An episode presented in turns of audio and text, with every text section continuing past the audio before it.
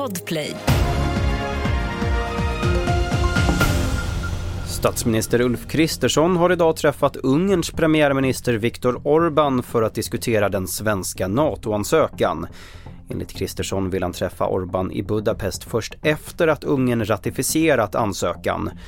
Kristersson säger att han under mötet inte fått några datum för när ungerska parlamentet kan rösta eller när hans möte med Orbán kan bli av.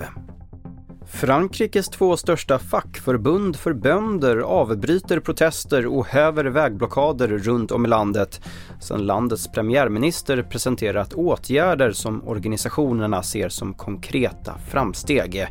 Mer om det här kan du se på tv4.se. Amerikanska attacker mot iranska mål i Syrien och Irak har godkänts. Det uppger myndighetskällor för CBS. Attackerna ska pågå under ett par dagar och vädret lär avgöra när de inleds. Beskedet kommer efter att tre amerikanska soldater dog i en drönarattack i Jordanien förra veckan. USA menar att attacken genomfördes av en milis som stöds av Iran. Iran nekar själva till att de ska vara inblandade. Och Trafikverket uppmanar att ingen beger sig ut med bil där de röda varningarna utfärdats i norra Sverige. Vindstyrkan i Stekenjokk med en genomsnittlig vindhastighet på 51,8 meter per sekund är ett nytt svenskt vindrekord. Fler nyheter på tv4.se. Jag heter Albert Hjalmers.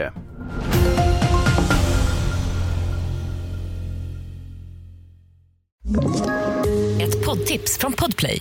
I podden Något Kaiko garanterar östgötarna Brutti och jag, Davva, dig en stor dos skratt. Där följer jag pladask för köttätandet igen. Man är lite som en jävla vampyr. Man har fått lite blodsmak och då måste man ha mer.